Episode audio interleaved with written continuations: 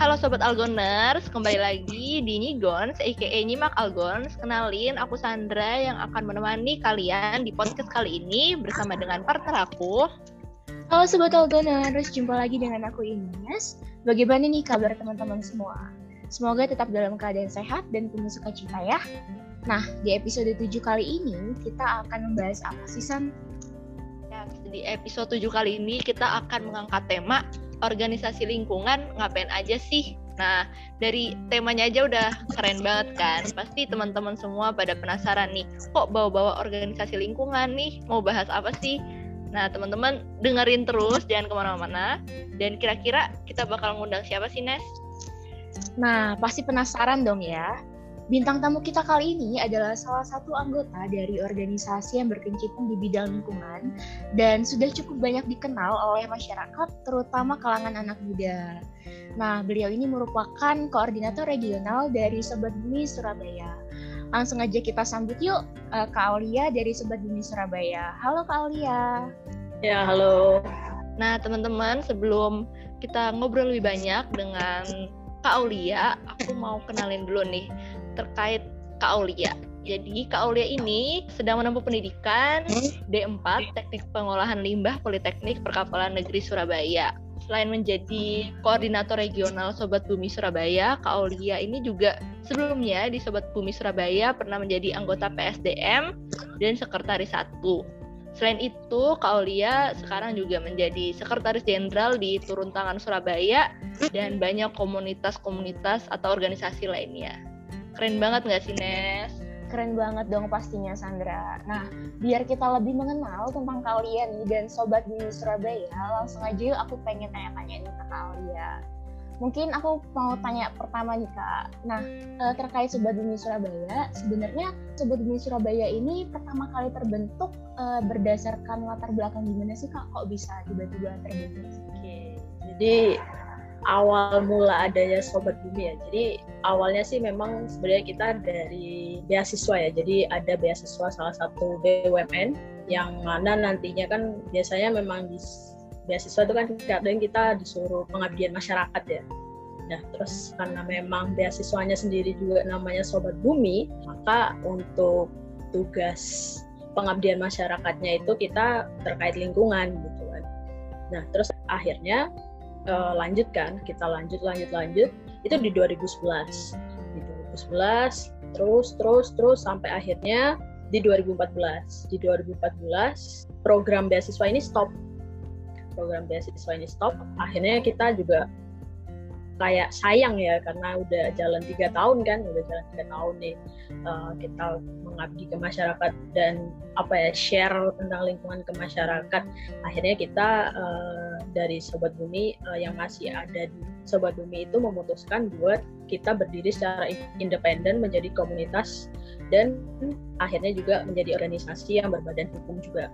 Jadi organisasi Sobat Bumi Indonesia ini juga sudah berbadan hukum udah ada nomor badan hukumnya. Nah akhirnya ya udah kita kita terus mengembangkan dan terus memperluas juga di kota-kota banyak banget nggak nggak hanya ada di Surabaya kan ada di Jakarta Jawa terus juga Jawa Tengah juga ada bahkan di Sulawesi di Sumatera pun juga ada Bali. Jadi kita banyak banget dan gitu. Awalnya sih kita dari beasiswa itu tadi ya tapi untuk sekarang kita udah jadi organisasi independen yang benar-benar kita mandiri.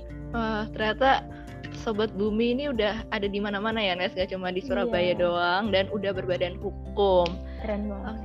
Pasti karena udah di mana-mana, pasti kan banyak nih permasalahan lingkungan atau program kerja yang udah dilakukan nih oleh teman-teman dari Sobat Bumi, khususnya di Sobat Bumi Surabaya. Dan dari sekian banyak permasalahan lingkungan yang ada, apalagi di saat-saat ini, menurut Sobat Bumi, permasalahan lingkungan apa sih yang saat ini perlu untuk diperhatikan?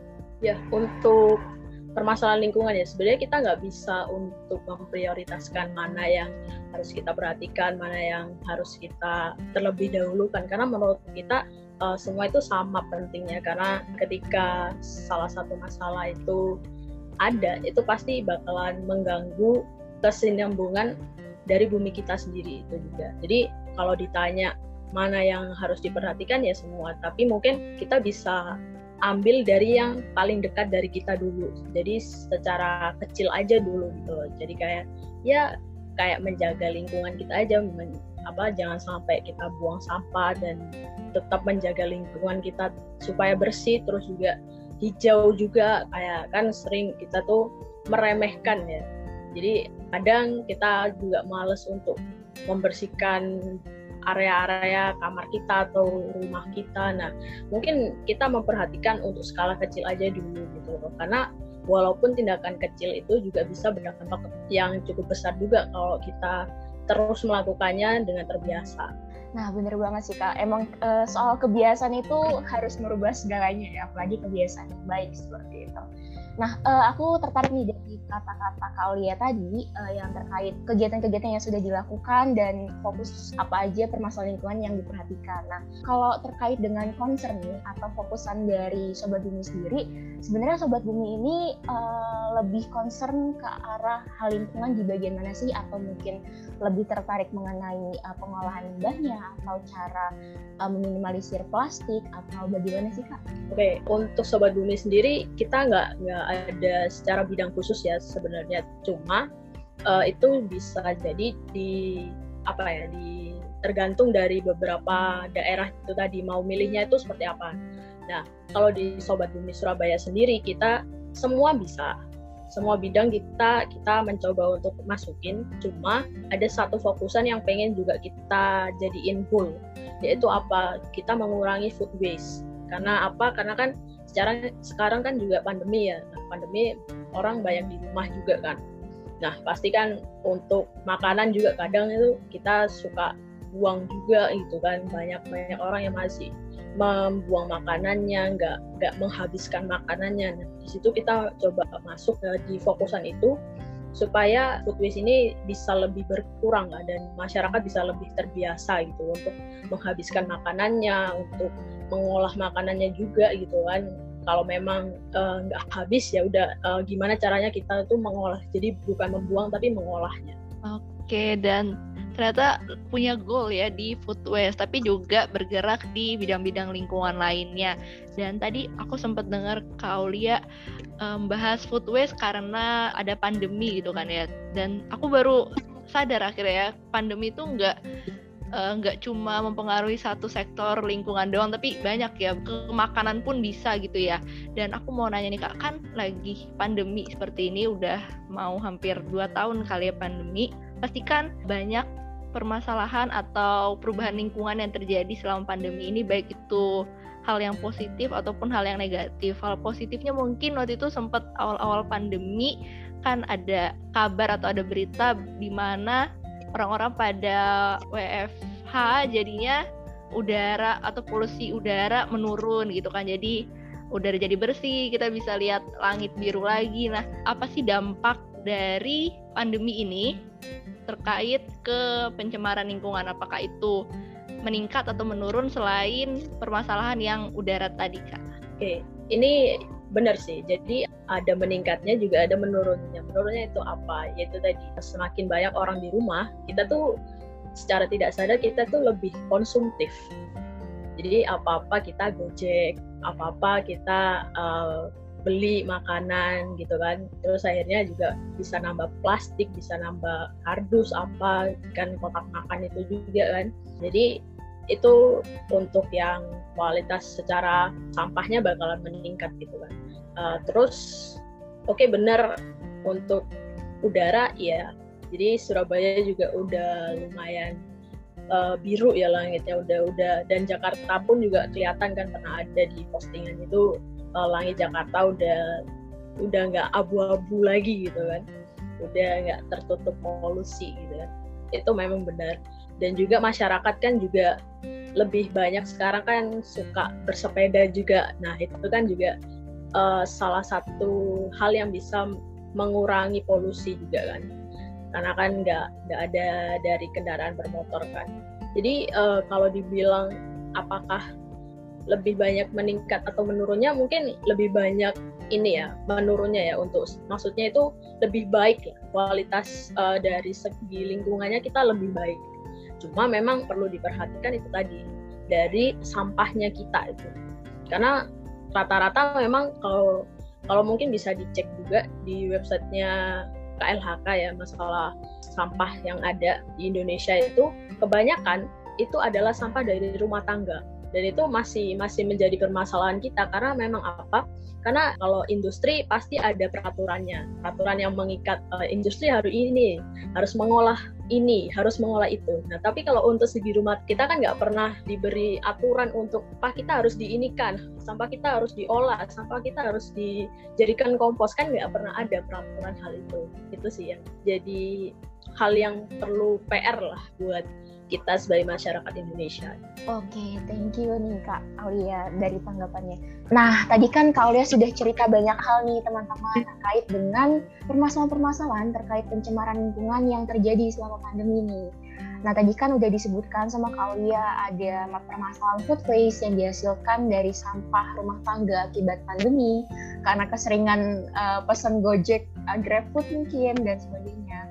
Nah, tanggapan dari Kak Aulia sendiri terkait uh, menyikapi hal tersebut bagaimana sih Kak? Karena kan tadi aku sempat dengar pemerintah itu kan tidak menyuruh kita untuk misalkan memisahkan memilah sampah sesuai dengan itunya atau tidak menyuruh kita untuk membuat kompos atau memanfaatkan sampah itu dengan baik seperti itu karena uh, menurut teman-teman sobat bumi tanggapannya terhadap hal itu bagaimana sih? Ya, jadi kalau tanggapan dari kita, makanya kita selalu kita berbagi dan bergerak bersama. Jadi ayo kita itu selalu mengajak untuk teman-teman baik itu anak muda ataupun masyarakat umum untuk ayo kita itu sama-sama terus untuk menjaga lingkungan kita. Nah, untuk menyikapinya itu gimana? Menyikapinya kita itu kita berusaha buat gimana supaya sampah ini bisa berkurang kan juga udah ya kita kenal namanya 3R gitu kan. Use reuse recycle. Jadi kita ngurangin misal plastik nih kita bisa ngurangin misal ketika kita lagi beli sesuatu kita bawa bawa tempat atau ya wadah lah wadah. Wadah kita sendiri gitu kan. Terus uh, atau enggak gitu kita tuh pakai barang yang enggak nggak setelah kita pakai langsung dibuang. Jadi contoh nih kayak mungkin botol uh, kita beli sabun. Nah, itu mending kita tuh beli sabun yang yang botolan itu yang yang kayak hand sanitizer itu kan. Iya yang ada pencetannya ya kak? beli yang itu. Nah kita mending beli yang itu. Nanti ya oke okay lah kita memang nanti ketika habis ya bisa isi lagi gitu. Maksudnya uh, kita nggak biasanya kan ada ya uh, ibu-ibu gitu. Atau mungkin itu biasanya ibu-ibu sukanya itu memanfaatkan botol aqua juga. Daripada dibuang botol aquanya mending buat simpen sunlight gitu.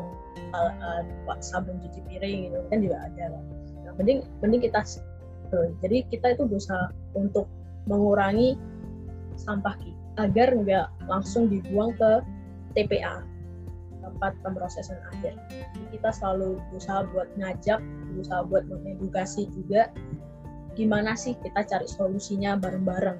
Oke, berarti lebih ke edukasi dan sosialisasi kali ya ke masyarakat sekitar gitu untuk menangani masalah terutama sampah gitu ya. Dan aku mau nanya nih Kak, kan udah banyak permasalahan lingkungan yang terjadi.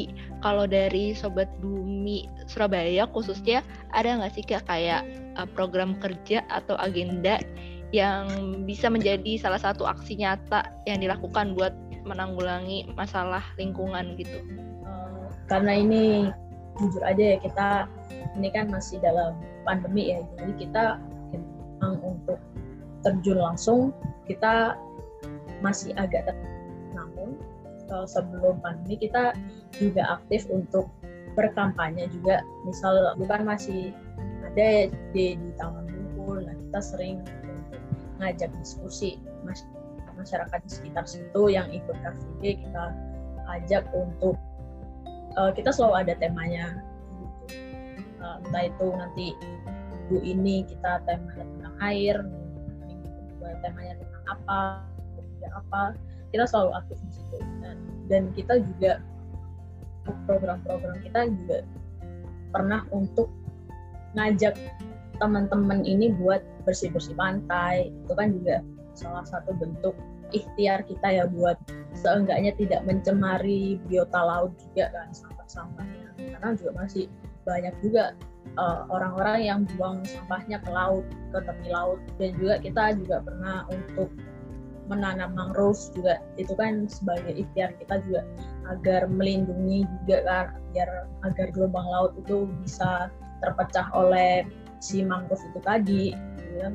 jadi kita lebih aman dan juga lingkungan juga lebih hijau juga gitu lingkungan juga menjadi lebih bersih dan hijau gitu jadi kita sama-sama untung. Oke deh kalau gitu Kak Lia. Nah uh, bener sih tadi dari berbagai tindakannya Pak. Keren banget uh, kalau misalkan bisa ngelakuin hal itu.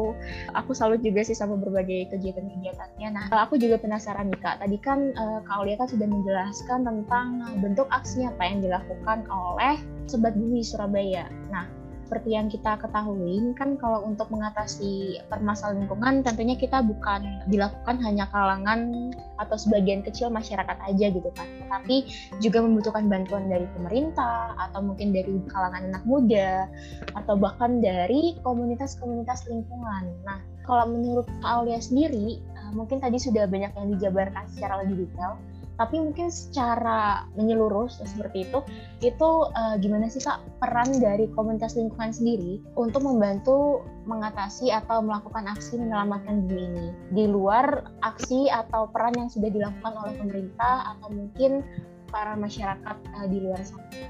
Ya jadi untuk peran peran komunitas lingkungan yang yang ada ya mungkin tersebar nggak hanya di Indonesia tapi di seluruh dunia itu juga cukup penting terlepas dari masyarakat perannya masyarakat juga penting perannya pemerintah juga penting. Adanya komunitas ini menurutku itu juga menjadi penggerak.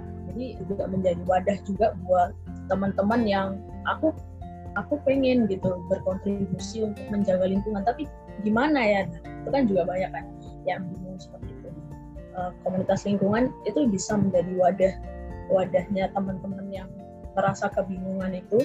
Jadi kita berusaha untuk belajar terus bergerak juga terus sharing juga teman ataupun saudara-saudara di sekitar kita nantinya jadi uh, menurutku untuk komunitas sendiri itu perannya mungkin sebagai penjembatan gitu.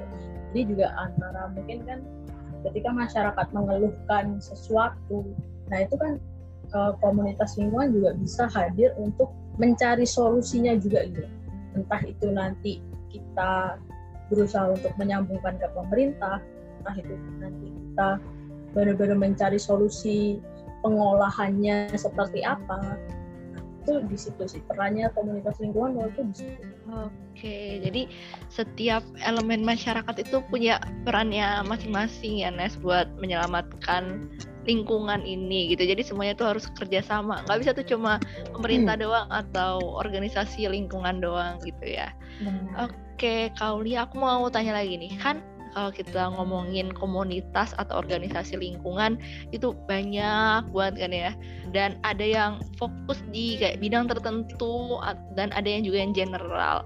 Aku mau nanya dong kak perbedaan sobat bumi dengan komunitas-komunitas lingkungan lain itu apa sih kak kalau dibilang apa perbedaannya mungkin sebenarnya hampir sama ya. Kalau kalau dibandingkan sama lain. Karena apa kita tujuannya sama. Kita tujuannya untuk uh, menjaga bumi kita gitu. kita berusaha buat menjadi lingkungan kita tuh bisa terjaga sampai anak cucu kita sampai generasi selanjutnya gitu kan. Itu mungkin kesamaan dari uh, komunitas-komunitas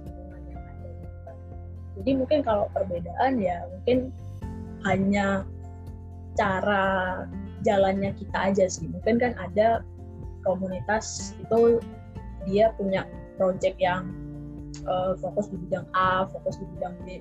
Kalau memang sobat itu kita berusaha buat mencakup semua bidang. Jadi biar uh, apa ya kita juga bisa update gitu. Jadi uh, misal nih di tahun 2021 yang lagi naik memang uh, masalah sampah. Nah, kita jadi bisa apa ya terus mengedukasi dengan isu-isu terkini gitu. Oke, Kak Aulia. Oke. Nah, uh, itu dia mungkin ya perbedaan. Jadi lebih ke arah cara jalannya, cara jalan atau bagaimana langkah-langkah yang dilakukan untuk menjaga bumi seperti itu. Nah, mungkin ini sekarang aku pengen uh, tahu tanggapannya Kak Lia ke masyarakat nih. Jadi kan tadi sudah banyak banget hal yang kita bahas terkait pencemaran lingkungan, permasalahannya seperti apa, cara mengatasinya bagaimana, dan aksi nyatanya bagaimana nih. Dan sekarang kalau misalkan kita kaitkan dengan masyarakat, uh, kira-kira uh, gimana sih ajakan dari Sobat Bumi untuk masyarakat Indonesia dalam menyikapi permasalahan? Mungkin bisa diajak masyarakatnya untuk bisa lebih peduli lingkungan dan terutama para pendengar Algoners kita lihat. Uh, mungkin ya kita kita tahu kita tahu kita uh, di bumi ini hanya sementara. Tapi uh, kita kan juga perlu untuk berusaha ya. Selalu berusaha kita itu bisa nyaman kita itu bisa hidup dengan baik. Kalau misal uh, ini sih mungkin bisa teman-teman bayangin juga gitu kan ketika teman-teman hidup di daerah yang kumuh uh, lingkungannya juga panas banget itu kan teman-teman pasti nggak nyaman ya. Uh, kalau teman-teman nggak nyaman pasti uh, ya bakalan mungkin bisa-bisa nggak pengen hidup gitu kan nggak pengen hidup aja gitu. Jadi kalau teman-teman nggak pengen seperti itu maka langkah apa yang teman-teman bisa lakukan?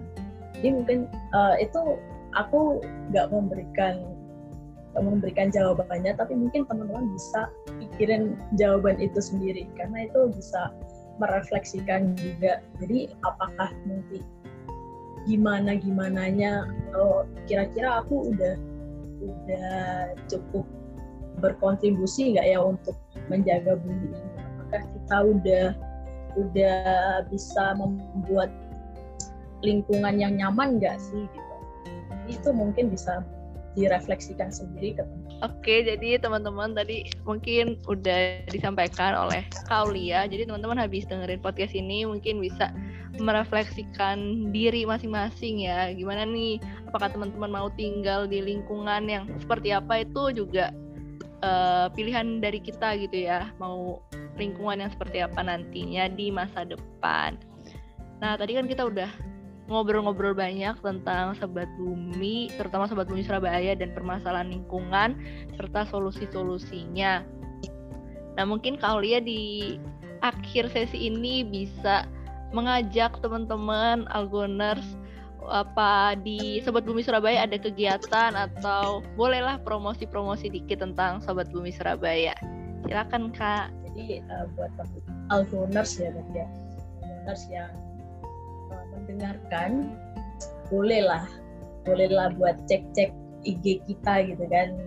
IG kita namanya Sobat Bumi underscore SBY atau mungkin teman-teman bisa cek juga Sobat Bumi ID Sobat Bumi ID itu untuk Sobat Bumi Indonesia. Jadi teman-teman bisa kepoin bisa di situ juga banyak banget informasi mengenai lingkungan-lingkungannya mungkin bisa jadi teman-teman belum tahu juga gitu jadi tetap pantangin kalau bisa follow juga IG kita kita masih masih lebih ke IG ya karena memang kayaknya teman-teman anak-anak muda zaman sekarang sukanya di IG Setuju, okay. setuju. Iya bener sih, emang kita itu sekarang nggak bisa terlepas dari yang namanya media sosial ya, terutama IG teman-teman. Nah itu tadi mungkin kalimat penutup dari Kak Aulia dari Sobat Bumi Surabaya. Sekali lagi aku mau ngingetin ke teman-teman, kalau misalkan masih pengen kepo-kepoin Sobat Bumi Surabaya, bisa banget cek di Instagramnya, yaitu Sobat Bumi underscore SBY atau di Sobat Bumi ID.